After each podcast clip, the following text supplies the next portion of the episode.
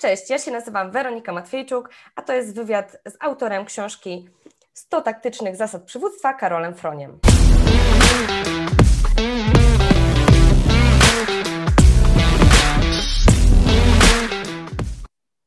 Cześć, witam Cię serdecznie na kolejnym już naszym wywiadzie z autorem książki dostępnej na księgibarneja.pl, księgarni stworzonej przez przedsiębiorców dla przedsiębiorców. E, dzisiejszym naszym gościem jest Karol Froń. Cześć Karolu. Cześć Weronika, dzień dobry, witam wszystkich, którzy nas oglądają. Karol, myślę, że nie przesadzę, jak powiem, że to jest mistrz, mistrz sprzedaży. W tym momencie prowadzi firmę Contact Center One, która zatrudnia 140 ludzi. To jest bardzo duża grupa ludzi i bardzo duża firma. Czy to się coś zmieniło? Masz teraz więcej ludzi od, od napisania tej książki? Pewnie coś tam pozatrudniałeś nowych. Ludzi jest y, nie wiem ile dokładnie, powiem Ci szczerze, bo to się zmienia y, jak w kalejdoskopie. Są ludzie pracujący zdalnie i ci w biurze pracujący. Dzisiaj tak naprawdę firmą zarządza moja żona, ona pewnie potrafiła na to pytanie odpowiedzieć dokładnie, ale myślę, że tych ludzi no, jest y, no, pod setkę licząc i tych, i tych, nie? I tych. Karol swoją przygodę z telemarketingiem zaczął ponad już 10 lat temu. Na początku pracował w największej polskiej firmie telemarketingowej i awansował tak naprawdę tam na wszystkie możliwe stanowiska, bo zaczął jako sprzedawca, potem był kierownikiem e, oraz kierownikiem projektu, tak? menadżerem, wszystkie możliwe tak naprawdę e, stanowiska, co świadczy o jego skuteczności w sprzedaży. W tym momencie też również ma kilka, e, kilkanaście czy kilkadziesiąt kursów online oraz projektów sprzedaży. Jest tego trochę. Ja, ja, ja, ja jestem praktykiem, więc mm, to, czego ja uczę i to, co, co, można ode mnie się dowiedzieć, to są praktyczne rzeczy, takie, które sam przetestowałem na własnej skórze, bo w sprzedaży jestem 14 lat już teraz, tak licząc 14. Y, szybko, mm, a 10 lat zarządzam. A więc książka o zarządzaniu to są moje praktyczne metody, jak ja budowałem zespół, nie? jak ja rekrutowałem i tak dalej, y, a książki o sprzedaży to są moje historie i doświadczenia z klientami. Więc ja lubię o sobie mówić, że jestem praktykiem sprzedaży, co no niejako też trochę mnie wyróżnia na rynku, tak? że, że inni gdzieś tam się naczytali różnych zagranicznych książek, y, przemielili to, przetworzyli i wypuścili swoją książkę teoretyczną, tak? To nie ma pokrycia w rzeczywistości polskiej. Ja uczę praktycznych rzeczy i te kursy, o których powiedziałaś, to są rzeczy praktyczne. Więc do mnie, jak przychodzisz po naukę, to dostajesz jakby konkret, nie? Tak mów, tak nie mów, to zrób, to działa, tego nie rób, próbowałem, nie udało się. Po prostu lubię praktyczne rozwiązania, tak? W biznesie i w sprzedaży.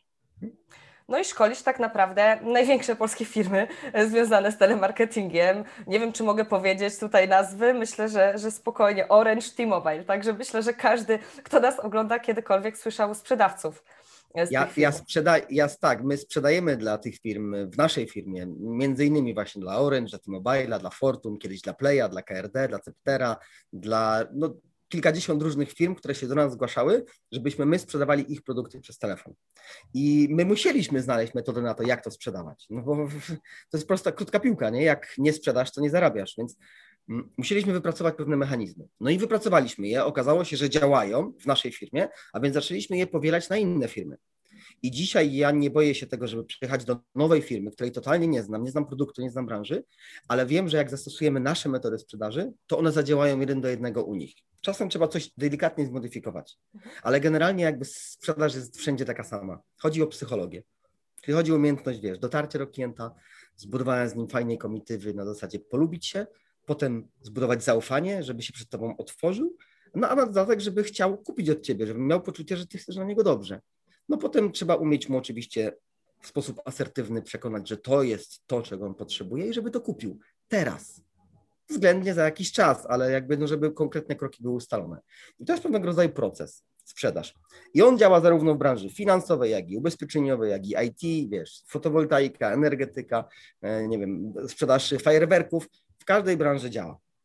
Trzeba się po prostu nauczyć, jak to robić i potem można to powielać. No i dlatego dzisiaj to jest takie po prostu skuteczne, tak? I te książki, mm, o których wspomniałaś, y, że mm, na przykład najskuteczniejsze techniki sprzedaży i perswazji. Ja może pokażę, bo ta książeczka jest super. To jest książeczka, która jest bardzo mała, jest formatu kieszonkowego.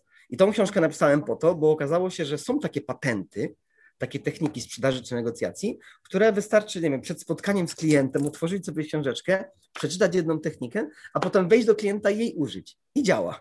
Dlatego Dokładnie. taka książeczka typowo praktyczna, nie? Dokładnie, no to, to samo 100 taktycznych e, zasad sprzedaży, tak, i psychologia sprzedaży telefonicznej. No ja mam tu Twoją najnowszą książkę, no jeszcze nie najnowszą, to zaraz powiesz, 100 taktycznych zasad przywództwa. Tutaj pokażę tak. dla osób, które jeszcze nie widziały. I potwierdzam, ja ją czytałam i faktycznie tutaj jest 100 taktycznych zasad przywództwa. Wszystkie do wykorzystania. No już tak naprawdę otworzysz tą książkę i widzisz jakieś tam e, zasady, które możesz po prostu wprowadzić, żeby Twój zespół był bardziej skuteczny. A może to jest też jeszcze moment, żebyś powiedział o tej najnowszej książce, która dopiero będzie. Pewnie też na księgi Barneya.pl ją dostaniecie. Książka Sales Hunter. To jest moja filozofia życiowa, którą się kieruję. Filozofia no, drapieżnika, można tak powiedzieć.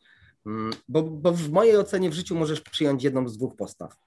Rola ofiary, człowieka, który się umartwia, który narzeka, który widzi problemy, który mówi, że w życiu nie da się nic zrobić, że wszystko jest, już ustawione, że jak się biednie urodziłaś, to biedna umrzesz, że pieniądze tylko można nakraść, że robotę dostaje się po znajomości. Generalnie pozycja ofiary. Człowiek, który narzeka i widzi problemy. Albo pozycja drapieżnika, czyli człowieka, który podwija rękawę i mówi idzie po swoje, wszystko jest zależne ode mnie. Mm, jak chcę, to potrafię. Jak czegoś nie umiem, to muszę się tego nauczyć. E, pieniądze zarabia się poprzez e, szlifowanie swojego mindsetu, a nie poprzez znajomości i tak dalej, i tak dalej. Więc ja wyznaję tą drugą e, filozofię, czyli filozofię Sales Huntera. I ta książka najnowsza to jest odpowiedź na jakby czasy, które nadeszły. Książkę pisałem praktycznie, no można powiedzieć, 8 miesięcy od ubiegłego roku, od marca, kiedy wybuchła pandemia, zacząłem się zastanawiać, jak mogę ludziom pomóc, żeby oni zmienili swój mindset i żeby umieli się odnaleźć w tej nowej rzeczywistości. Bo, now, bo innej rzeczywistości nie będzie, będzie tylko ta, która nadeszła. I przez 8 miesięcy ostatnią kropkę w książce postawiłem o godzinie 17 w Sylwestra 2020 okay. roku.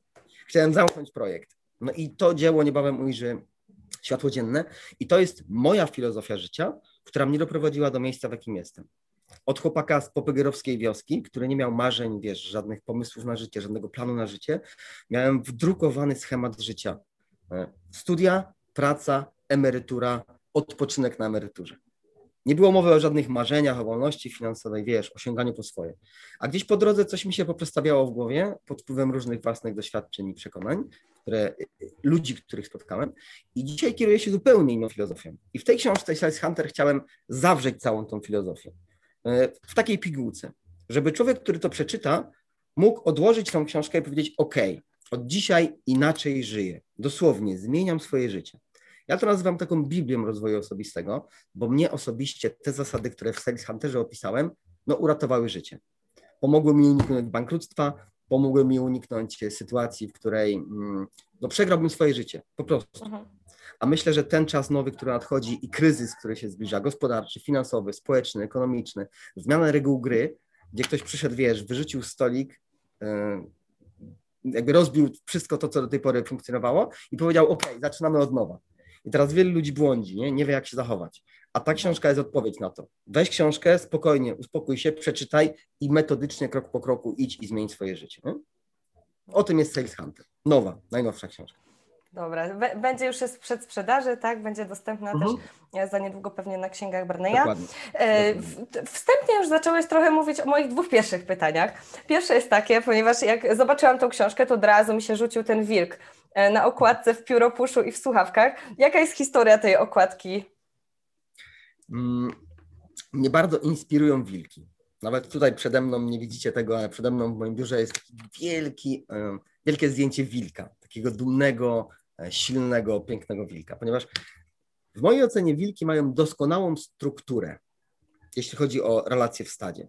Mhm. Wilki mają zawsze jednego szefa, właściwie dwóch szefów, no jest samica alfa i samiec alfa.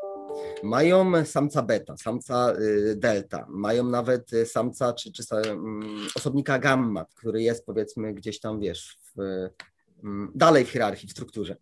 Dzielą się na role, mają ściśle określone zasady, których trzeba przestrzegać. Mm, wilki są doskonale, doskonale współżyją w relacjach swoich między, że tak powiem, wilczych. Zawsze bronią swojego członka stada, ale też jak ktoś złamie jakieś zasady, to nie boją się, żeby go wygnać albo żeby go ukarać. Nawet mają hierarchię ścisłą przy jedzeniu. Poza tym umieją się doskonale odnaleźć w każdych warunkach. Pomimo tego, że człowiek im zabiera kolejne połacie lasu, oni tak, one i tak potrafią dalej funkcjonować. Są bardzo rodzinne, bardzo relacyjne, bardzo inteligentne, mądre. No i generalnie nie ma takich warunków, w których by one nie, nie dałyby sobie rady. I tak obserwując wilki, stwierdziłem, że to jest doskonały przykład tego, jak powinny funkcjonować firmy albo zespoły sprzedażowe. Im bardziej się zacząłem interesować wilkami, tym bardziej zobaczyłem, że w relacjach firmowo-sprzedażowych również takie zasady działają. I, I dlatego też od wielu lat wilk jest dla mnie inspiracją i według zasad, które panują w wilczym stadzie, budowałem swoje zespoły sprzedażowe. W efekcie mój zespół sprzedażowy w korporacji, w której pracowałem, jak byłem menadżerem, stał się najsilniejszym zespołem w całej firmie. Firma liczyła 3,5 tysiąca ludzi, zespołów takich jak mój było ponad 80. Mój był najsilniejszy, najmocniejszy, sprzedawaliśmy najwięcej. Dlaczego? No bo ustaliłem pewne zasady, tak jak w stadzie wilku. Kiedy potem odszedłem z korporacji, założyliśmy własną firmę i zatrudniliśmy 140 ludzi, to również postawiliśmy na to, żeby zrobić to wokół pewnych zasad. I te zasady, których my używaliśmy, opisałem właśnie w tej książce, a one sprawiły, że nasza firma stała się największym partnerem sprzedaży. Dla takich firm jak Play czy KRD chociażby. Dwie bardzo duże firmy.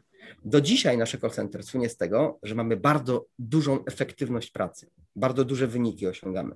Mm, a robimy to przy dobrej atmosferze i przy fajnych relacjach. No nie chcę powiedzieć rodzinnych, bo to by było za mocno, ale takich naprawdę koleżeńskich. Tak jak wilki. I dlatego pomyślałem właśnie, że wilk jest takim idealnym przykładem w świecie zwierząt tego, jak należy budować zespoły. I to ciekawe, jeszcze jedna wstawka, bo tutaj wielu ludzi, którzy będą to oglądać, mogą powiedzieć, Karol, ale czasy takich zespołów, gdzie jest jeden szef, wilk, nie? I wszyscy muszą się go słuchać, są jakieś sztywne zasady, odeszły do lamusa, teraz tylko turkus się sprawdza. Turkus, tak, dokładnie. Bo wszyscy jesteśmy równi, nie ma szefa, każdy pracuje tak jak chce. No to ja zawsze takiemu człowiekowi mówię, prowadziłeś firmę, zatrudniłeś 4,5 tysiąca ludzi, masz wyniki, no to porozmawiajmy i powiedz mi, jak w Twojej firmie sprawdził się turkus bo moje doświadczenia są zgoła inne. Ja próbowałem turkusu w swojej organizacji, znam firmy, które próbowały turkusu i rakiem się z niego wycofały.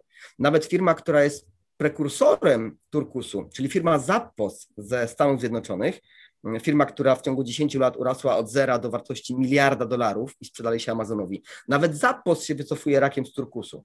A firmy polskie, które ja znam, y, jeśli mają turkus, to mówimy tylko o firmach, Małych. które nie skupiają się na sprzedaży swoich produktów aktywnie, tylko są to firmy, gdzie bardziej liczy się kreatywność, jakiś design, jakieś agencje reklamowe. Przy 5, 7, 10 ludziach. Wtedy ok, można pomyśleć o turkusie. Ale jeśli chcesz skalować firmę nad 100, 200, 1000, 5 tysięcy ludzi, nie znam firmy, która by się, w której by się sprawdził turkus. A więc moje doświadczenia wynikają z praktyki, a jak ktoś chce rozbudować w turkusie, będąc teoretykiem zarządzania, no to jakby pozostawiam tutaj, wiesz, opinii słuchaczom, co, co, co o tym mogą myśleć. W mojej e, percepcji turkus w Polsce się nie sprawdza. Dlaczego? Tutaj zacytuję Jacka Santorskiego, mm, człowieka, który no, jest też takim autorytetem pod kątem przywództwa. I on kiedyś powiedział w jednym z wywiadów, gdzie przez całe życie był propagatorem turkusowego zarządzania. I w jednym z wywiadów powiedział, że mówię to z przykrością, ale mówię to z mocy swojego 70, 70 prawie letniego autorytetu. W Polsce turkus się nie sprawdza. Jak ja to przeczytałem, to, to mi włosy stanęły na głowie. Jak to? Człowieku, to przez tyle lat się ja tobie wzorowałem turkus. Firmę budowałem na turkusie na początku, w początkowej etapie, a teraz mówisz, że nie działa. I on potem powiedział, że polski pracownik ma niestety mentalność chłopa pańszczyźnianego i musi być zarządzany właśnie kijem i marchewką. Ponieważ zawsze w relacji pracodawca-pracownik istnieje takie potężne niezrozumienie. Pracownik chce się nie narobić, a zarobić, a pracodawca chce jak najmniej zapłacić, a jak najwięcej wycisnąć z pracownika. I to jest pewnego rodzaju, wiesz, taka odwieczny, e, wieczna walka, chocholi taniec uprawiają obie te strony między sobą. Ale tego się nie zmieni i kolejne pokolenia funkcjonują dokładnie w tym samym schemacie. Z tej perspektywy turkus się nie sprawdzi, bo pracownik zawsze będzie mówił, o, można coś zakombinować, albo szef taki dobry, no to trzeba by tutaj coś, wiesz, zahachmęcić i tak dalej. I jak to przeczytałem i potem porównałem to ze swoimi doświadczeniami, to powiedziałem sobie, cholera, jest w tym dużo prawdy.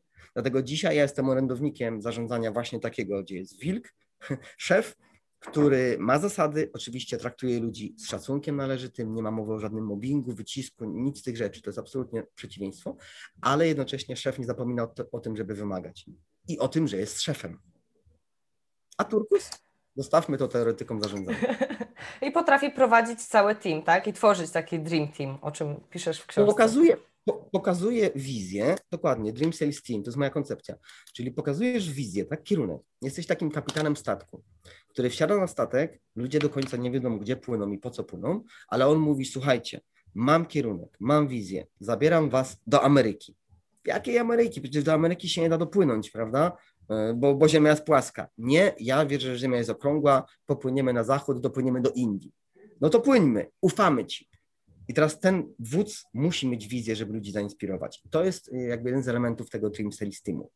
Ale poza wizją dużą musi mieć też um, autorytet. A autorytet buduje swoją wiedzą, doświadczeniem, um, charyzmą, spójnością, autentycznością, ale też swoim, wiesz, takim postanowieniem twardo sprawy. Są zasady.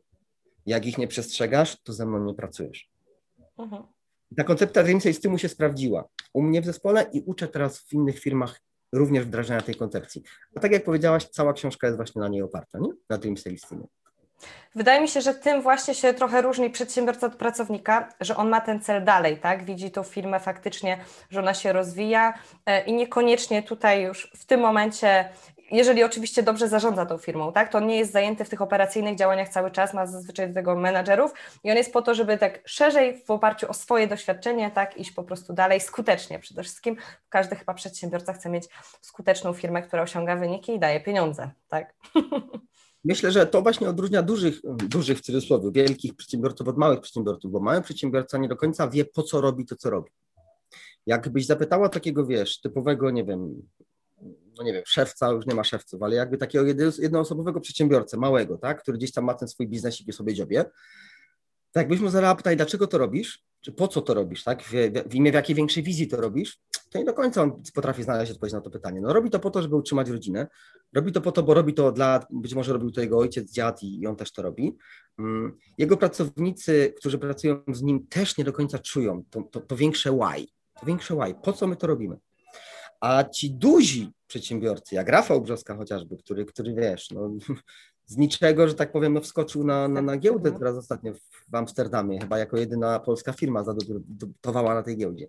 To jest przykład człowieka, który ma wielką wizję. Wielką wizję. I teraz ta wielka wizja nie jest zarezerwowana tylko dla Rafała Brzoski i wielkich firm o, o skali światowej, ale również ten mały właściciel sklepiku, on też może mieć wizję i też może chcieć zarazić nią swoich ludzi. Bo na przykład jak prowadzisz małą kawiarnię, to wizją twoją może być to, żeby dawać radość ludziom, którzy przychodzą do ciebie na kawę.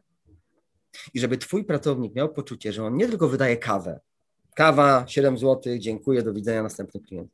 Tylko żeby ten pracownik miał poczucie, że on tą kawą, którą wyda z uśmiechem, może zmienić życie dosłownie tego klienta, który przyszedł po tą kawę.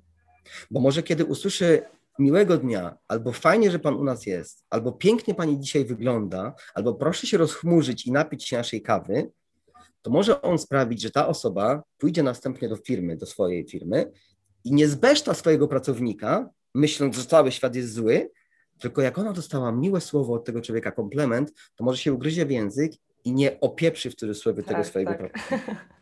I ten pracownik znowu nie, wró- nie wróci do domu, wiesz, opieprzony przez swoją szefową i nie przeleje swojej frustracji na swoje dziecko, tylko właśnie może poświęci mu czas i pouczy się z nim angielskiego czy matematyki. I to dziecko, które nie doświadczyło znowu przemocy słownej od swojego rodzica, pójdzie na drugi dzień do klasy, do szkoły i wiesz, pomoże koleżance, jak będą ją chuligani na e, przerwie atakować, bo będzie się czuło pewne siebie, bo doświadczyło miłości od rodzica, a nie uda, że tego nie widzi, bojąc się, wiesz, konfrontacji z chuliganami i tak dalej, i tak dalej. Efekt motyla, po prostu. I teraz można tą wizję zaszczepić w każdym biznesie, w każdym. W branży finansowej, której dużo szkole, tam też jest potrzebna duża wizja. Możesz mieć y, poczucie, że wciskasz komuś kredyt, prawda? Ale możesz mieć poczucie, możesz mieć poczucie, że dajesz komuś rozwiązanie, dajesz mu pieniądze, dzięki któremu on rozwiąże swoje problemy. Czyli ta biedna pani 60-letnia wyremontuje sobie rynnę w domu i nie będzie jej ciekło po dachu za te 4 tysiące kredytu, które weźmie. Okej, okay, musi oddać 5 tysięcy, jasne, ale gdyby nie te 4 tysiące, które dostała od banku, nadal by jej ciekło. Miałaby grzyb, jeszcze by zachorowała albo by umarła. Są dwie strony medalu, nie? Więc pytanie, jaką tak. wizję podłączasz swoim pracownikom? I fajnie, że o tym powiedziałaś, bo to jest, myślę, podstawowy element strategii Dream Sales Team. Pokaż Twoim ludziom większe dlaczego. Dlaczego to robimy? Większe niż Ty czy oni w pojedynkę, nie? Streściłeś trochę pierwszy swój rozdział w książce, e, bo tak naprawdę tam jest właśnie dlaczego. Tak, zacznij. W ogóle bardzo dużą uwagę przy, mm, przykładasz do psychiki szefa, takie mam wrażenie, właśnie do tego, żeby, e, żeby przekazywał tak swojemu e, teamowi tą wizję, ale jeżeli sam w ogóle tej wizji nie określi, no to ciężko, ciężko, żeby ją przekazał dalej. A jak Twoim zdaniem, jeżeli chodzi o przedsiębiorców, czy oni faktycznie mają tą wizję, czy to właśnie trzeba ich bardzo mocno szkolić w tym? Jakie są Twoje doświadczenia? Hmm. Oni, oni nie, nie umieją nazwać tej wizji. Hmm. Ja jestem nauczycielem z wykształcenia. Okej, okay. to się nową, do, nową rzecz dowiaduje. Tak. I, I dlaczego ja poszedłem na studia nauczycielskie? Ponieważ gdzieś tam w głębi serca swojego, w głębi duszy, o czym nie wiedziałem jeszcze wtedy, ale potem z czasem dopiero to odkryłem. Gdzieś w głębi serca ja chciałem poprzez naukę, poprzez uczenie uczniów, chciałem pomagać im stawać się lepszymi ludźmi. Czyli tak naprawdę za decyzją o tym, żeby stać się nauczycielem, była moja jedna z wartości, jaką jest rozwój, jaką jest pomaganie innym ludziom. Ale ja nie wiedziałem o tym w momencie wybierając y, jakby kierunek studiów. Dzisiaj o tym wiem, prawda, jak patrząc wstecz. I podobnie jest z przedsiębiorcami. Oni często mają jakąś wizję, ale ona jest gdzieś tu w głowie ukryta, ona nie jest nazwana i ona nigdy nie była wyciągnięta na zewnątrz. Ktoś, kto zakłada firmę reklamową, agencję reklamową, może mieć podobną wizję. Chce budować biznesy innych ludzi. Chce, żeby te biznesy rosły. Chce, żeby były widoczne. Chce, żeby ci ludzie, którzy do mnie przyjdą, ja im zrobię identyfikację wizualną, stronę internetową, wizytówki, strategię marketingową. Dzięki temu ich biznes urośnie i będą mieli klientów, co przełoży się oczywiście na zarobki, a zarobki na to, że będą mieli lepsze życie i tak dalej, i tak dalej. Ale ten przedsiębiorca być może nawet nie wie, że po to to założył i nie umie tych swoich pracowników w ten sposób inspirować. I kiedy zatrudnia handlowca do siebie, to on mu mówi: Słuchaj, masz sprzedawać, masz pozyskiwać klientów na strony internetowe i tyle, kropka. I na tym kończy się wizja. I kiedy ten pracownik nie rozumie tej wizji, no to on napotyka, wiesz, po kilkudziesięciu telefonach wykonanych do klientów, chce pan stronę internetową? Nie chce. Chce pan stronę? Nie chce. Chce pan? Nie chce. On traci motywację. Aha. I w tym momencie jest potrzeba, żeby szef przyszedł i powiedział: Ej, słuchaj, nie poddawaj się. Nie poddawaj się. Robisz wielkie rzeczy, budujesz biznesy innych ludzi, Twoim obowiązkiem jest sprzedać im naszą usługę, bo dzięki temu ich biznes urośnie i oni sami urosną. Ale on nie umie tego powiedzieć, bo on sam nigdy tej wizji nie wydobył z siebie. A więc moja rola bardzo często polega na tym, żeby przyjechać i zainspirować, wydobyć potencjał, pokazać kilka kroków dalej. Tak jak to pięknie powiedział Antoine de Saint-Exupéry. Jak chcesz, żeby ludzie zbudowali statek, to nie każ iść im do lasu i ścinać drewno, tylko naucz ich tęsknoty za otwartym morzem. Czyli dwa kroki dalej. Najpierw potrzeba. Mhm. Najpierw taką wewnętrzną potrzebę, bardziej nawet w oparciu o wartości trzeba wydobyć. Wartości. Jakie są Twoje wartości, jakie są nasze firmowe wartości? I to jest też coś, co ja w, w swoim zespole w korporacji, tym najmocniejszym, właśnie postawiłem na początek na wartości. Przyszedłem do zespołu i powiedziałem: Słuchajcie, Moim celem jest stać się najlepszym zespołem w tej firmie. Jeśli chcecie ze mną pracować, to mój cel musi stać się waszym celem. Dla mnie jest być naj, naj, najważniejsze, żeby być naj, najlepszym. Dlaczego? Ponieważ chcę być dumny z tego, że mamy pierwsze miejsce. Chcę chodzić po korytarzu z podniesioną głową, żeby inni patrzyli i mówili: Wow, ci to od Fronia to są ale wymiatacze. Ja chcę mieć dużo pieniędzy i tego absolutnie nigdy nie ukrywałem i też sugeruję nie ukrywać, bo ludzie się często wstydzą, że coś robisz dla pieniędzy. No cholera, a po co jakby to się robi, nie? Cytując klasyka, nie? No, pieniądze nie są najważniejsze, ale wszystko bez pieniędzy to wiadomo co, nie? Nic. Więc powiedziałem swoim ludziom, jakie są moje wartości. I to jest, myślę, kluczowa kwestia, żeby szef przyszedł i powiedział, bo wtedy ludzie, którzy z nim pracują, od razu czują, wpasowujemy się w wartości czy nie. Jak nie, to może czas poszukać innego miejsca i to będzie z korzyścią dla obu stron. A jeśli tak, to wtedy mam motywację, żeby podwinąć rękawy i iść razem z moim szefem przed siebie, bo mamy te same wartości. Mhm. Więc ta motywacja jest właśnie też bardzo ważna, żeby faktycznie e, zespół był skuteczny. E, mam wrażenie, że szefowie myślą, że właśnie tą motywacją jest przede wszystkim są pieniądze. A jakie ty znasz jakieś kreatywne, jeszcze dodatkowe e, sposoby na motywowanie pracowników? Na podstawowym poziomie pieniądze są najlepszą motywacją i od tego trzeba zawsze zacząć. Mm, popatrz, co się dzieje za oknem. Inflacja szaleje. E, GUS podaje 3-4%, ja myślę, że to jest 13-14%. Wchodząc na zakupy, kupując, dosłownie wczoraj miałem taką sytuację. Wszedłem do sklepu, kupiłem 6 lodów, nie będę podawał marki. 4 lody w czekoladzie na patyku takiej luksusowej marki, dwa lody takie, wiesz, wyciskane i jedną wodę. Zapłaciłem 32 zł. 32 zł. To jest jakiś horror. Więc teraz człowiek, który zarabia 2200 czy 2400, 30% pracowników w Polsce zarabia najniższą krajową czyli tam te 1000, no teraz tam 2200 powiedzmy. Więc jak człowiek zarabia 2200, to o jakim poziomie życia my mówimy? To na co go stać? To jego nie stać na to, żeby pójść do dobrego fryzjera, żeby dziecko wysłać do prywatnego, prywatnego przedszkola, albo żeby do dentysty pójść prywatnie. To jest wegetacja, to nie jest normalne życie. A więc podstawowy poziom motywacji powinien być taki: hej, drogi pracowniku, zarób na lepsze życie. Zanim ja go zacznę motywować tym, że on zmienia świat, że poprawia, wiesz, byt innych ludzi, że w jakiś sposób zostawia coś po sobie, że się zapisuje w Wikipedii, że jego nazwisko stanie się legendą, to są jakby wyższe poziomy motywacji. To ja muszę zadbać o ten najniższy poziom motywacji. On się musi czuć bezpiecznie, musi mieć zaspokojone podstawowe potrzeby. A jeśli on tego nie ma, no to jak ja mam go motywować wyżej? Więc podstawowa forma motywacji, po pierwsze, szefie, zapłać, albo stwórz warunki do zarabiania, bo to też nie chodzi o to, żeby szef wiesz, dawał 3000 podstawy czy 4000 podstawy.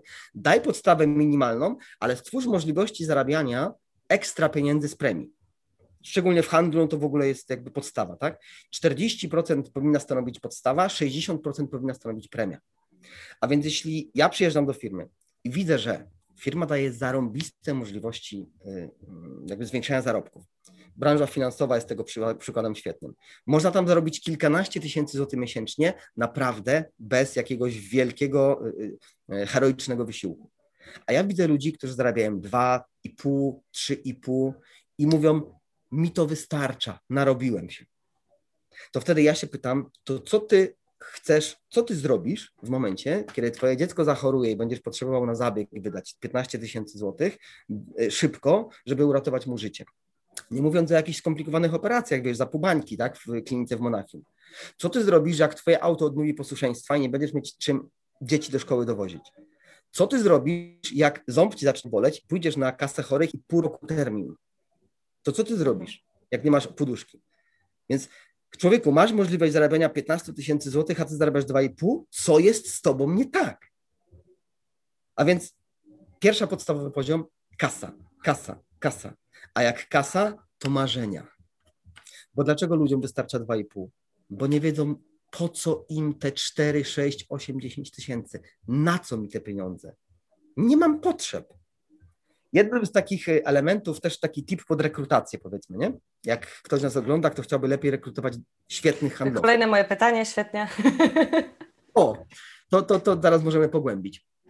Jedno pytanie, które ja zadaję na rekrutacji, żeby sprawdzić, z kim mam do czynienia to jest pytanie, wyobraź sobie, że dostajesz 20 tysięcy złotych, takiej żywej gotówki, nieopodatkowanej, możesz z nią zrobić co chcesz.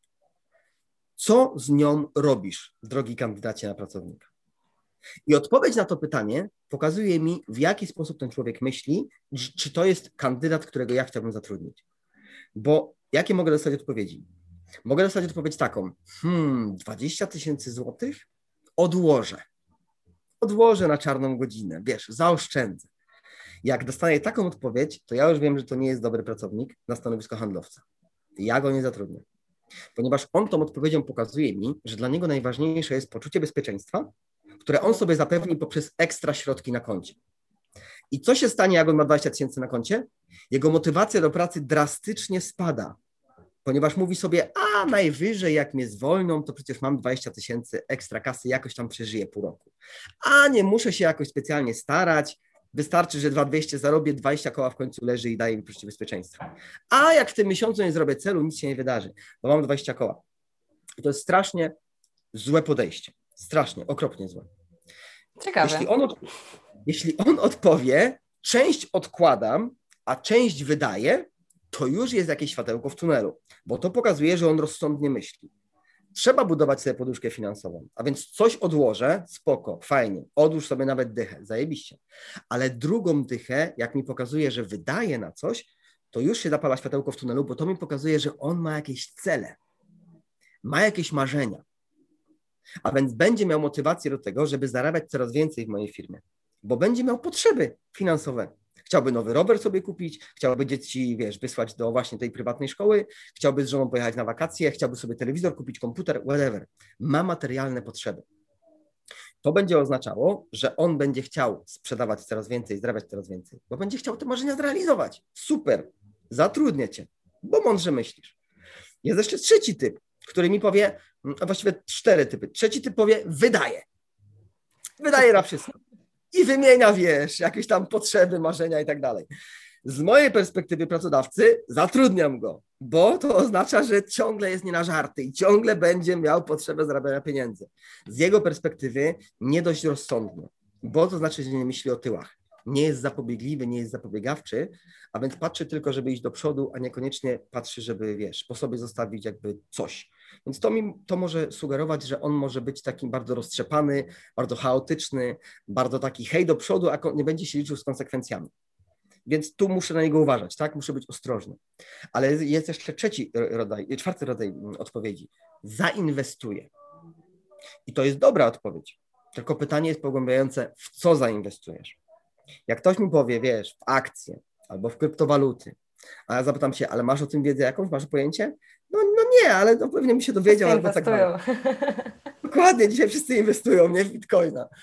Więc to mi tylko pokazuje, że on idzie za trendami, chciałby szybko się wzbogacić, nie do końca rozumie, że dochodzenie w życiu do pieniędzy to jest jakby droga i, i, proces i to się nie da w weekend zrobić, więc trochę taką lekkomyślność mi pokazuje w ten sposób, ale jak powie, zainwestuję w siebie, to ja wiem, że to jest świetny pracownik.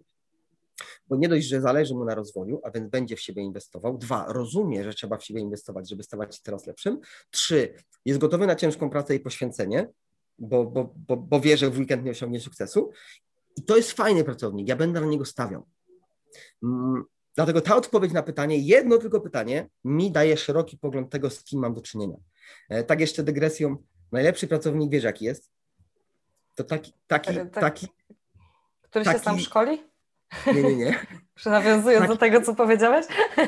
Taki, który ma kredyt hipoteczny, jest jedynym żywicielem rodziny i niepracującą żonę, nie? Bo on okay. wtedy ma wielką motywację, żeby pracować. Straszne, Karolu, straszne, ale pewnie prawdziwe, tak. I, i no. ja, ja, się z tego śmieję, ja się z tego śmieję, bo sam to przechodziłem, wiesz? Sam to przechodziłem. Okay. Jak miałem jak miałem bardzo trudną sytuację finansową w domu, bardzo. Oczywiście u mnie nie było tak, że byłem jedynym żywicielem, bo żona też pracowała równo razem ze mną, ale jak masz na plecach długi, i masz na plecach, wiesz, y, telefony od wierzycieli, to wtedy nie potrzebujesz dodatkowej motywacji do działania. Tak, bo wtedy masz tak. motywację ucieczkową, tak? Uciekasz od problemów. Problem jest wtedy, kiedy nie masz problemów i masz tak zwaną ciepłą wodę w kranie. Czyli zarabiasz tą trójkę, ty, trójkę partner, macie szóstkę, stać was, wiesz, na wyjście do kina, na jakiś teatr, na jakiś tam, no chociaż teraz to już coraz mniej was będzie stać w takim czasie, ale jakby wiesz, chodzi o pewien poziom życia. Jest Netflix, jest piwko, stać mnie na wakacje. Po co chcieć więcej? Z takim pracownikiem jest największy problem. Bo albo go zmotywujesz wtedy jakimś kijem, czyli pokazując mu problemy, albo zmotywujesz go marchewką, czyli pokazując mu korzyści, czyli marzenia. Musisz go zainspirować do marzeń. Więc odpowiadając na początkowe pytanie Twoje, jak zachęcić ludzi do większej sprzedaży i jak ich zmotywować, jeśli nie pieniędzmi? Marzeniami. Marzeniami pokazać im, że oni też mogą marzyć i powinni marzyć. I właśnie Sales Hunter między innymi o tym jest, żebyś nie sprzedawała się za 2200 brutto czy tam netto, tylko żebyś miała marzenia i chciała iść po więcej. Szefowie często boją się w ten sposób inspirować swoich pracowników, bo boją się, że pracownik im ucieknie.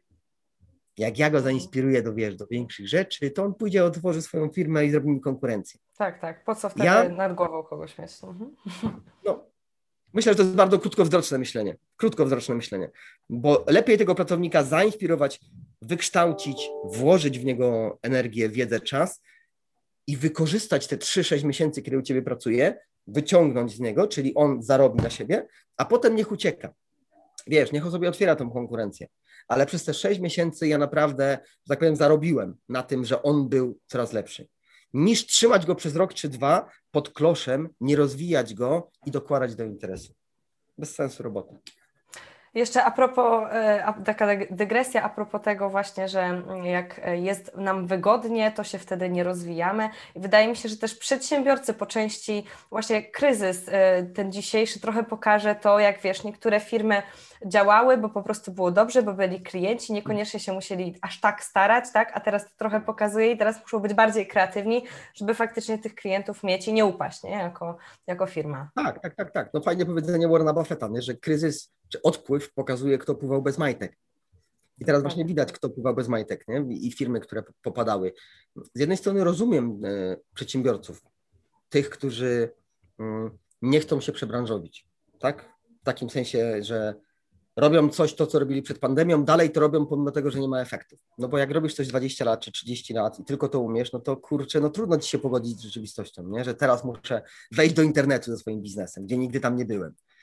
Ja pamiętam czasy wcześniej, przed y, marcem ubiegłego roku, jak rozmawiałem z klientami na przykład o zasadach, hmm, szkoliłem firmy, które właśnie sprzedawają chociażby strony internetowe.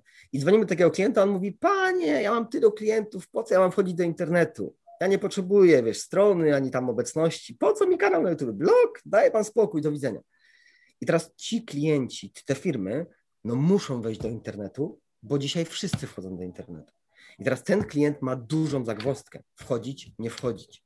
Nie czuję tego, nie chcę, nie rozumiem. Z drugiej strony coraz mniej cyferek na koncie i bankrutuje. Więc ja im naprawdę współczuję tym firmom. Z drugiej strony nie ma innej drogi. Albo się dopasujesz, albo zginiesz kryzys jest świetną okazją, nie do tego, żeby urosnąć, ale ci, którzy się nie odnajdą, po prostu przegrają. Tak. I za rok tak. już nie będzie ich już na rynku, nie? Tak, no to może teraz przechodząc trochę do książki, bo tutaj tak się e, aktualne rzeczy zaczepiliśmy. E, mi się bardzo podobała zasada 24 o expose. E, to jest taka zasada, która moim zdaniem, jak ją się wprowadzi, to faktycznie buduje obraz dla całego teamu, co, co powinno działać, co nie, co powinno, żeby widziały po prostu cel dalszy, tak? A powiedz mi, co zmieniło to w Twoim zespole, w ogóle skąd pomysł, żeby to wprowadzić i jak duża jest tego skuteczność?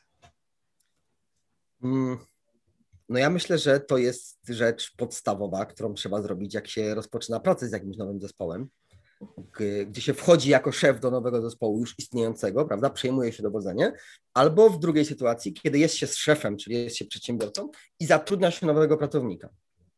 Trzeba to zrobić, to expose. No bo czym jest expose dla, dla słuchaczy, powiemy? Expose jest to y, ustalenie zasad, jakimi będziemy kierowali się podczas wspólnej pracy w danej firmie, w danym zespole. I to zarówno zasad pod kątem tego, czego nie będę tolerował, jak również tego, co będę nagradzał. I to są to właśnie te ramy. To jest dokładnie to, te ramy tej wilczej watachy, która jakby, no tam nikt nie musi nikomu mówić, tak? Wilki się inaczej komunikują, ale tam dziecko, mały wilk od małego już wie, że jak je dorosły, który jest w stadzie wyżej od ciebie, to ty stoisz i czekasz. A jak mhm. podejdziesz i złamiesz hierarchię, to cię pogryziemy. Albo jak przychodzi do ciebie samiec alfa, to ty się kładziesz na plecy, okazując poddaństwo. Jak się nie chcesz położyć na plecy, to ja cię powalę na te plecy. I to są zasady, których trzeba przestrzegać. I w polskich firmach ja myślę, że przedsiębiorcy tego w ogóle nie robią. W ogóle. Tak, tak. Moje doświadczenia są takie, że, że, że, że wiesz, zatrudniasz pracownika, dajesz mu umowę i mówisz, no dobra, no to słuchaj, no to tak tutaj sobie pracujemy, tutaj masz laptopa, tutaj masz telefon, tutaj masz y, produkt, no i co, no to dzwoń, nie? Albo jedź w teren, sprzedawaj, nie? Ale ile mam sprzedać? No nie wiem, no tyle, ile ci się uda, nie? Aha, no dobra. Nie ma żadnych celów sprzedażowych, nie ma żadnych ram na zasadzie, słuchaj, nie toleruję spóźniania, nie toleruję braku realizacji celów. E, nie toleruję obgadywania za plecami, wiesz, nie zgadzam się na narzekanie w miejscu pracy. No nie zgadzam się na oszustwa, tak, żebyś spuszczał paliwo mm, po pracy albo żebyś jeździł w celach prywatnych autem gdzieś tam, jak, jak nie, nie jest to związane z, z pracą. Nie ma wytłuszczenia tego, wiesz, czego nie toleruję i nie ma powiedzenia, słuchaj, szczególnie będę nagradzał, kiedy będziesz na przykład odbierał telefony od klientów po pracy. Bo czasem tak się zdarza, że dzwonią o 18, 19. Zależy mi, żebyś odebrał, bo może być klient, który wiesz, no, ma zamówienie, a jak nie odbierzesz, to zrezygnuje. Zależy mi na tym i będę to szczególnie doceniał i nagradzał, jak będziesz, wiesz, pomagał młodszym pracownikom w zespole i będziesz ich wspierał, motywował albo po prostu podpowiesz, jak będą mieli problem, tak? Zależy mi na tym, żebyś, wiesz, przekraczał cele sprzedażowe, chętnie cię nagrodzę wtedy premium. Nie ma takich rozmów. One wynikają, właściwie brak tych rozmów wynika z tego, że szefowie nie wiedzą, że powinny być, a nawet jak wiedzą, że powinny, to się boją je przeprowadzić. Bo pracownik się obrazi, bo co on sobie o mnie pomyśli, bo to nie wypada, bo mi się zwolni, a przecież poprzedniego rekrutowałem przez cztery miesiące, to ja nie chcę, żeby ten się zwolnił i tak dalej, i tak dalej. Więc expose to jest coś, co ja na dzień dobry wprowadzam w zespole. Rozmawiam z szefem i mówię, szefie drogi, co ty byś chciał w tej firmie? Jak ona ma wyglądać według ciebie? I zazwyczaj skupiamy się na wartościach, bo z wartości wynikają zasady. Jeśli szef mi mówi, wiesz co, tak najbardziej mnie wkurza to, jak oni, wiesz, są tacy leniwi. Wchodzę do tej firmy i widzę, że kurczę, no mogliby zadzwonić do tego klienta, a tu jedna siedzi, wiesz, papiery bezsensownie przegląda, tutaj drugi, wiesz, kawę pije, tu czego przyłapałem na telefonie, coś tam pitoli. No, wkurza mnie to, to, le, to, to lenistwo ich, ten brak zaangażowania. Ja mówię, okej, okay, czyli czego byś oczekiwał w zamian za tą postawę? No wiesz, no oczekiwałbym, że się wezmą do roboty po prostu, nie? Że zaczną dzwonić, że zaczną szukać. Ja mówię, to jak byś to nazwał? No nie wiem, no może takie właśnie, taka proaktywna postawa, no okej, okay, no może zaangażowanie, o super, no to zaangażowanie, dobra. To konkretnie, czego oczekujesz w ramach zaangażowania? Daj mi przykład jakiejś postawy, postawy. Hmm, no to może po prostu chciałbym, że jak mają chwilę wolnego, jak wiesz, nie ma bieżących zamówień, nie ma bieżących telefonów, to po prostu chciałbym, żeby poszukali sobie na własną rękę klienta w internecie i do niego zadzwonili. Super, napiszmy to. Napiszmy to. I piszemy, wiesz, takich 5-10 rzeczy po jednej stronie, czego nie toleruję, i 5-10 rzeczy po prawej stronie, czego oczekuję. I to jest nasze expose. Do tego dochodzi jeszcze jeden element, kary i nagrody. To jest coś, co szefowie jak słyszą, to, to wiesz, już bladzi się robią. Jak to kary? Karol, to ja mam ukarać pracownika? Że on, on mi się obrazi, nie? Ale no trzeba czasem. Te kary nie muszą być, wiesz, dotkliwe, naprawdę. To czasem może być po prostu, no nie wiem, Mm, sprzątasz w kuchni kubki po wszystkich pracownikach. Okej, okay, ciekawe. To jest, to jest kara. No wiesz, no to jakby to, to, nie jest szkodliwe, to trochę na honor bardziej y, y, wpływa tego mhm. człowieka, nie? Aniżeli na jakieś tam, wiesz, konsekwencje finansowe. No albo po prostu przygotowujesz śniadanie dla wszystkich ludzi na drugi dzień. Albo dla najlepszego pracownika, który miał wczoraj najlepsze efekty, albo w danym miesiącu. Albo nagrodą może być, nie wiem, bierzesz jedno auto w leasingu które, za które cię kosztuje, nie wiem, 300 zł miesięcznie i to auto w leasingu jest nagrodą. I każdy, jeden z pracowników, który miał najlepsze wyniki w ubiegłym tygodniu czy w miesiącu, ma to auto w leasingu. Mówimy o sytuacji, gdzie to jest firma, która nie ma auto w leasingu, tak? I to jest jakby, to będzie samo w sobie nagrodą, tak? No, mhm. to są takie małe nagrody, małe i większe, ale chodzi o to, żeby one były, tak? To są te ramy. Po to jest no nawet nawet kwestia, którą e, poruszałeś w książce, hmm, chwali, krytykuj na forum. Nie ukrywam, że dla mnie to było takie dość, no dość kontrowersyjne po części, a już nawet jak po, pochwalisz tak naprawdę innych tak, na forum, to już ci, ci słabsi pewnie się czują trochę właśnie, że już na honor im wpływasz i trochę jakby to była kara właśnie. A jakie konsekwencje, już rozwijając w ogóle tę zasadę, ma to, że właśnie wprowadziłeś chwalenie i krytykowanie na forum? Tutaj bardzo często ludzie tego nie, jakby jak pierwszy raz się z tym zapoznają, to co, wiesz? Tak, no, dokładnie. Nie, nie, nie. Mm, no bo, no bo wiele podręczników mówi o tym, że krytykuj na osobności, a chwal na forum. Tylko, że żaden z podręczników, przynajmniej te, które ja czytałem, jakby nie mówi o tym, jak zbudować Dream Sales Team. Tylko mówią o tym, jak zbudować zespół. A to jest różnica, bo, bo zespoły, na przykład piłkarskie czy koszykarskie, jest wiele zespołów, ale Dream Team, w którym grali, wiesz, Rodman, Jordan, e, Kobe Bryant, którzy wygrywali tam mm, wszystkie zawody w 98 roku, był jeden. I teraz jakie relacje między nimi panowały? To były bardziej relacje przyjacielskie, aniżeli, wiesz, nie wiem, pr pracownicze, czy, czy jakieś tam sportowe. To była przyjaźń. I w Dream Sales Teamie to musi być, być tak, że o złych rzeczach mówimy na forum i o dobrych mówimy na forum. Dlaczego?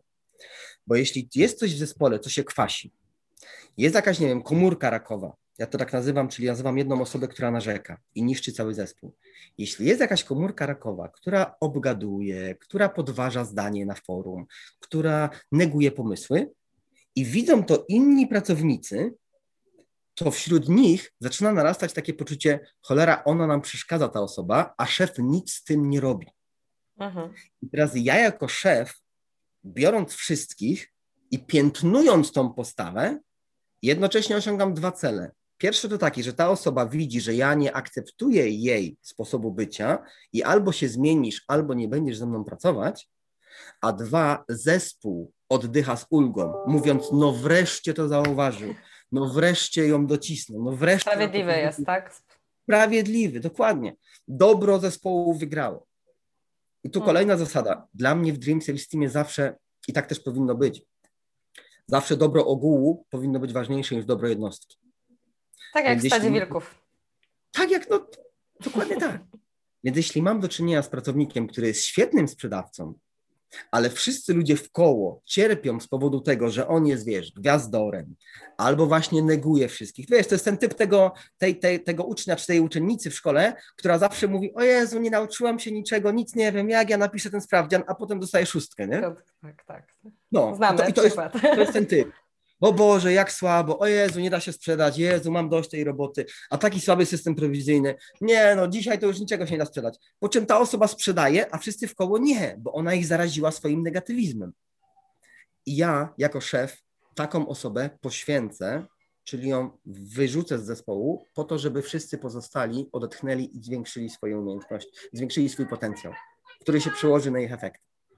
I dlatego chwal na forum, krytykuj na forum. Jak są dobre sprawy, mówię o tym wszystkim, bo wszyscy zasłużyli na pochwałę, oczywiście, ale jak jest krytyka, to krytykuję wszystkich jednocześnie, albo jak mam coś do kogoś, to też go krytykuję, ale przy tym zaznaczam. Słuchaj, Stefan, złamałeś tą zasadę z expose.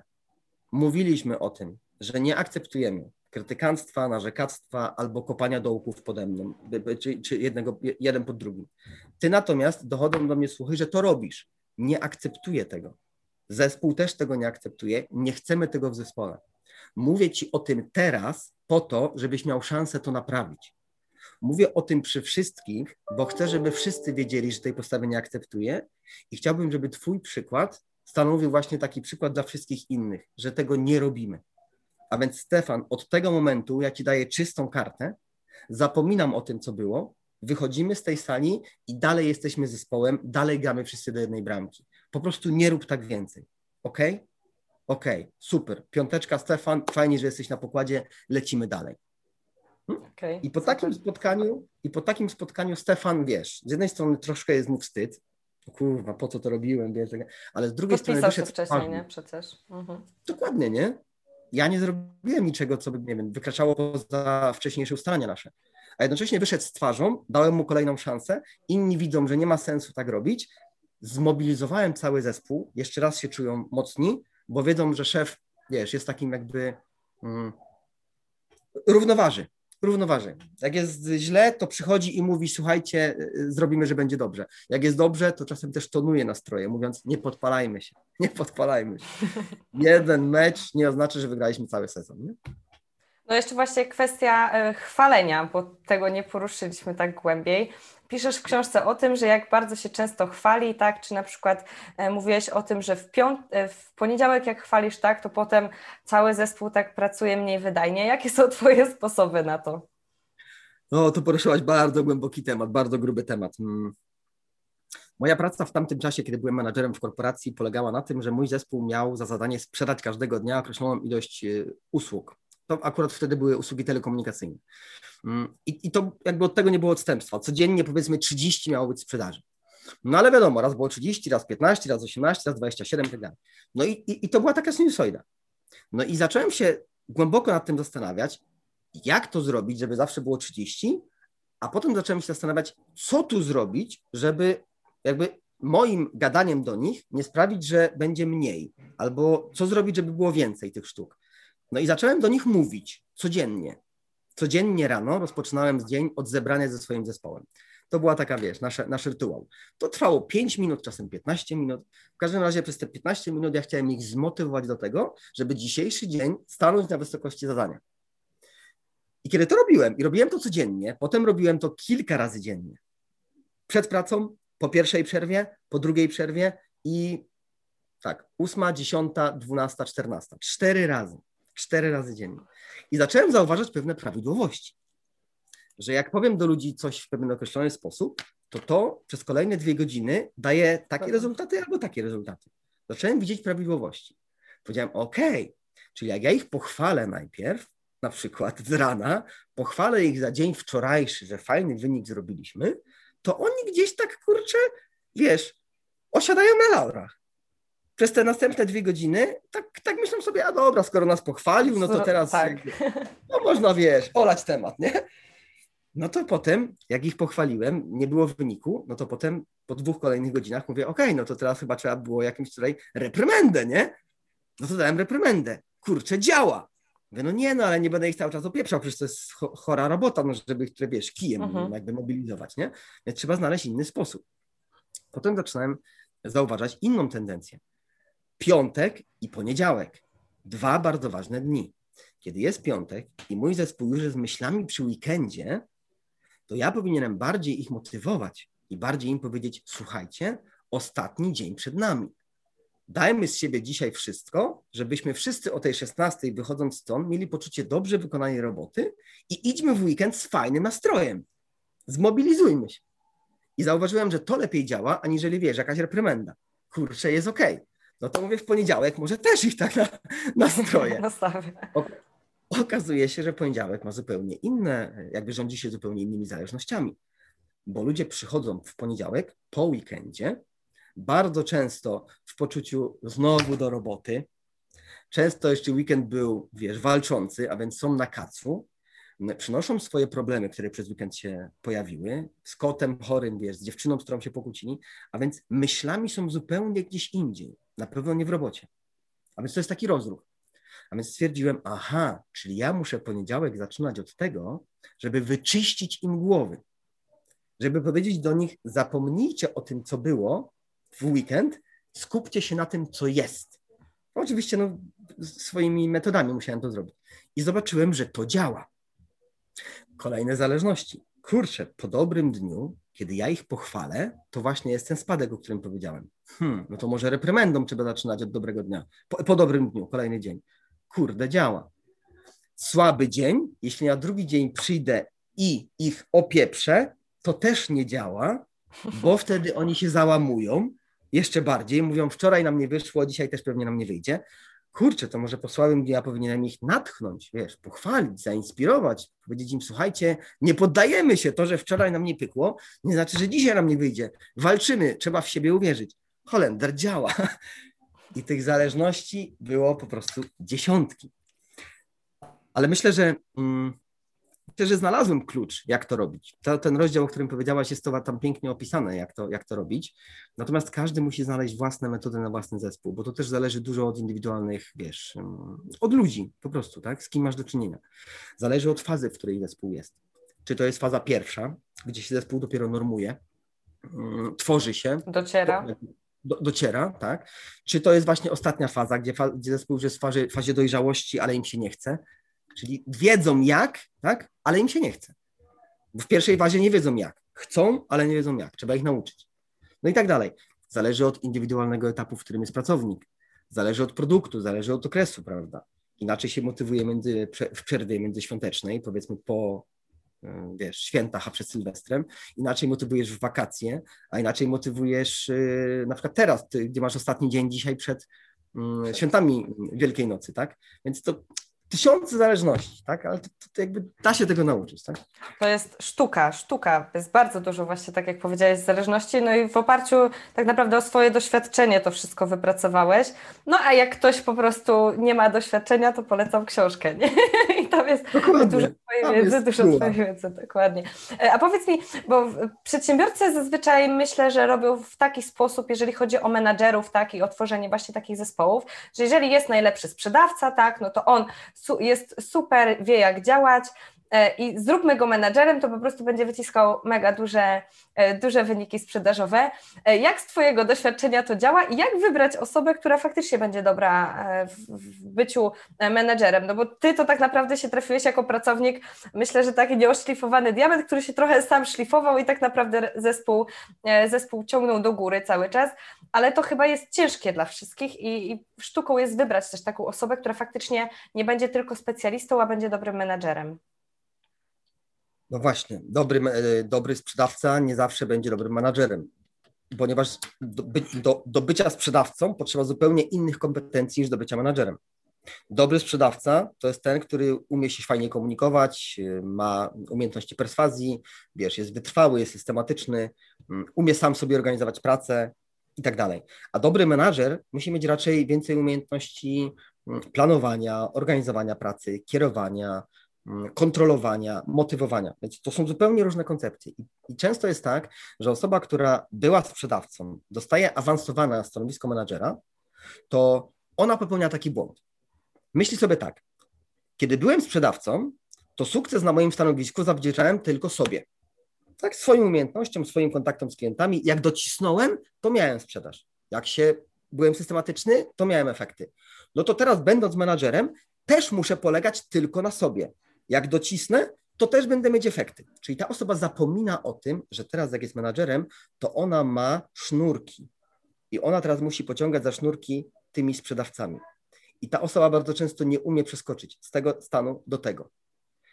Myślę, że najważniejszą kwestią jest, żeby osoba, która awansowała, zrozumiała, że sukces na tym stanowisku zależał ode mnie, a na tym stanowisku zależy od moich umiejętności pociągania za sznurki.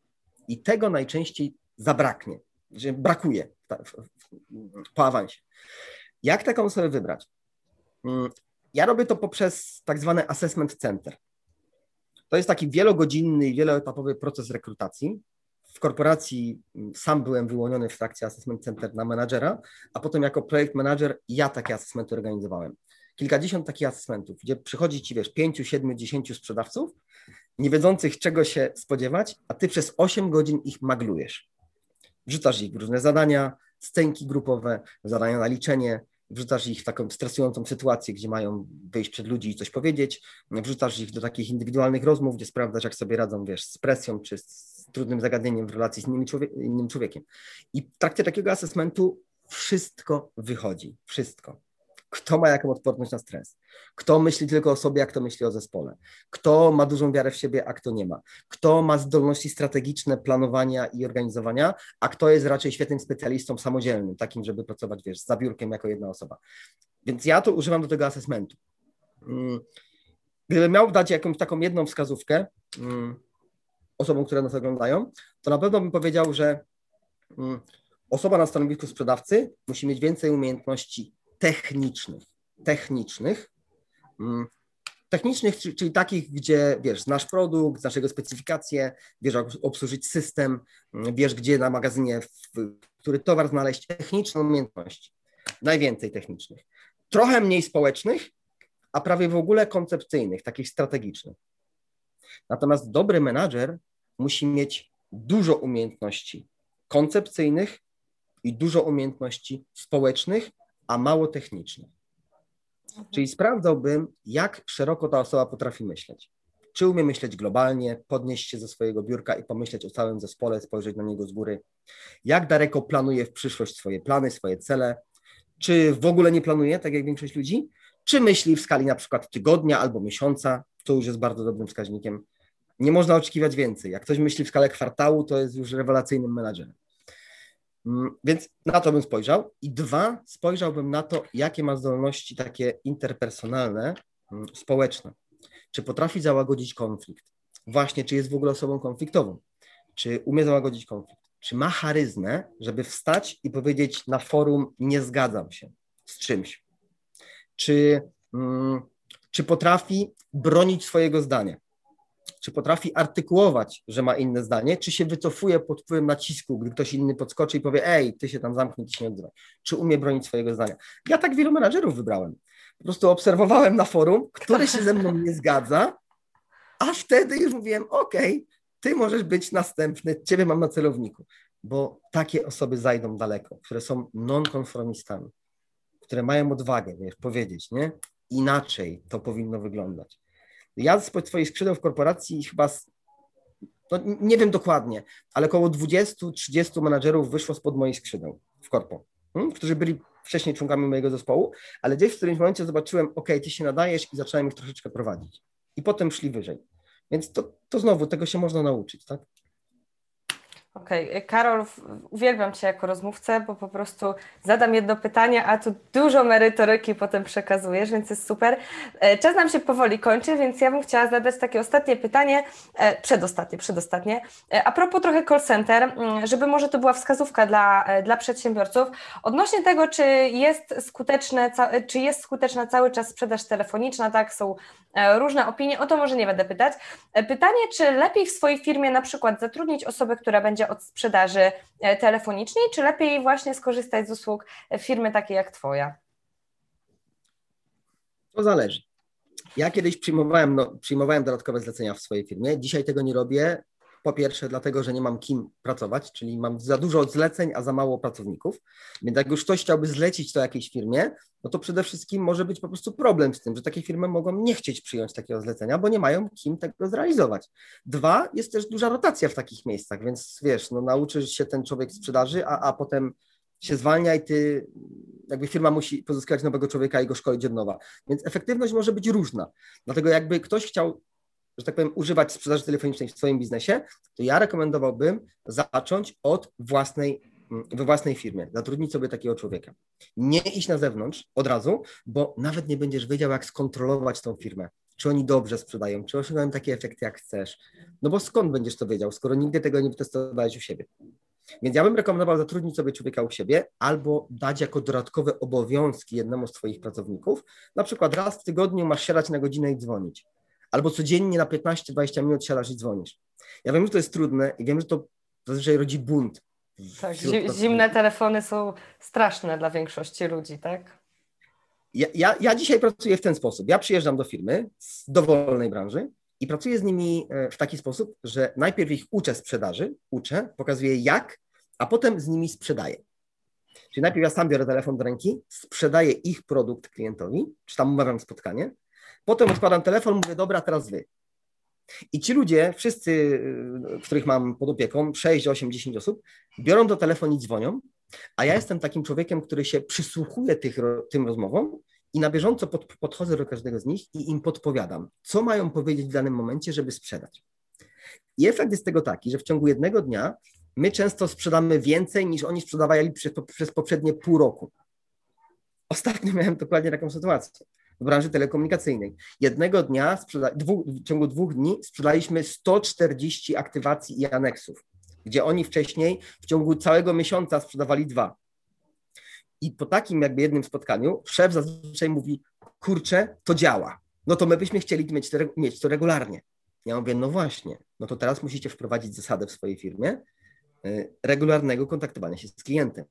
A więc nałóżcie na swoich pracowników cele sprzedażowe. Czyli nałóżcie im na głowę, słuchaj, codziennie 20 minut dzwonisz albo raz w tygodniu godzina. Na co szef mówi, no, to jest dobry pomysł, od jutra to wprowadzamy. Ale zazwyczaj potrzeba, wiesz, mnie, który uruchomi tą lawinę, który pokaże, że się da i który powie temu szefowi, ej szefie, ty masz prawo tego wymagać od tego pracownika. Masz prawo. Więc osoby, które się zastanawiają, jak to zrobić, no najlepiej by były, najlepiej by było, żeby sobie takiego człowieka zatrudniły, mm, jak nie masz pieniędzy, żeby go wyszkolić, to skorzystaj z darmowej wiedzy na kanale moim YouTube'owym, którą się dzielę. Jak masz pieniądze, zadzwoń do mnie, przyjdź do mnie, ja przyjadę do ciebie i cię nauczę, czy twoich ludzi, nauczę tego szkolenia, tego, tej sprzedaży. I potem się okaże, że możesz w firmie mieć jednego, dwóch, trzech pracowników, którzy są twoim małym wewnętrznym call center i nie potrzebujesz mhm. tego zlecenia z zewnątrz. Dobra, super. To myślę, że cenna uwaga e, i dużo osób się nad tym zastanawia. I ostatnie pytanie w stylu, w stylu księgi Barneya.pl, czyli jakie książki byś polecił dla przedsiębiorców? Oprócz swojej Nie. oczywiście. To tutaj ja powiem tak. Mm, ja, ja, mm, fundamentem sukcesu sprzedawcy, przedsiębiorcy, wiesz, informatyka, kierowcy autobusu, każdego jest jego mindset. Jego mindset. Nie jakieś tam umiejętności, bo umiejętności są na drugim poziomie. Dlatego ja zawsze bym proponował każdemu, żeby najpierw sobie ustawił swoją głowę. I teraz książka, która na mnie wywarła największe wrażenie i do której no, każdego odsyłam, to jest książka Obudź w sobie olbrzyma. Czy taka podstawa. Tonego Robinsa. Tonego Robinsa. Bo co z tego, że ja, wiesz, mogę polecić książki biznesowe, ale polecę książkę biznesową, gdzie jest opisane krok po kroku, co zrobić i jak zrobić, ale pod kątem biznesowym. Na przykład Aha. Zatrudnij pracownika i wydeleguj mu zadania. Ale co z tego, jeśli ktoś na poziomie swoich przekonań nie wierzy w to, że zasługuje na to, żeby ktoś z nim pracował? Nie wierzy w to, że ktoś przyjdzie do jego firmy i będzie chciał sprzedawać jego produkty, bo sam ma niskie poczucie własnej wartości. To on nie zastosuje tam tych wskazówek, więc on musi najpierw przerobić swoją głowę, swój mindset, a dopiero potem skakiwać na wyższe poziomy e, e, rozwoju umiejętności. Więc obudź sobie olbrzyma jako absolutna wiesz, podstawa. Nie? Okay, okay. A już jak będziesz miał zespół, tak, to 100 taktycznych zasad przywództwa. Polecam, sama czytałam i dużo rzeczy e, tego zastosuję. I tak staram się chamsko nie sprzedawać przez te, e, przez te wideo, tak, i w rozmowach z autorami, ale tutaj naprawdę powiem, e, powiem Wam szczerze, że e, nie zastanawiajcie się i, i wprowadźcie przede wszystkim w życie te wszystkie rady, nie? Bo co z tego, jak przeczytamy książkę, jak potem tego, mm, tego nie wprowadzamy. To co, Karolu, ja Ci bardzo dziękuję za ten wywiad, Dziękuję. za to, że się zgodziłeś porozmawiać. Trzymam kciuki za kolejną książkę Twoją. Dziękuję. No już się sprzedała kilkaset egzemplarzy w przedsprzedaży poszło, także no, jeszcze trwa no. przedsprzedaż. Jak ma ktoś ochotę, w ogóle jak będziecie oglądać to wideo później, to sobie obejrzyj, wejdźcie na stronę Sales Hunter, saleshunter.pl, saleshunter.pl. Będzie można książkę dostać. Okej, okay, dobra. To Oj, co, dziękuję Ci. My jesteśmy na kanale, my jesteśmy na kanale Barneya. Wejdźcie na kanał, wejdźcie do Barneya na sklep i u niego kupcie. To się wytnie. Wejdźcie do Barneya na sklep i kupcie sobie tam u niego tą książkę. Dokładnie. Dokładnie, dzięki. Widzisz, zwróciłeś uwagę, już nie musiałam ten.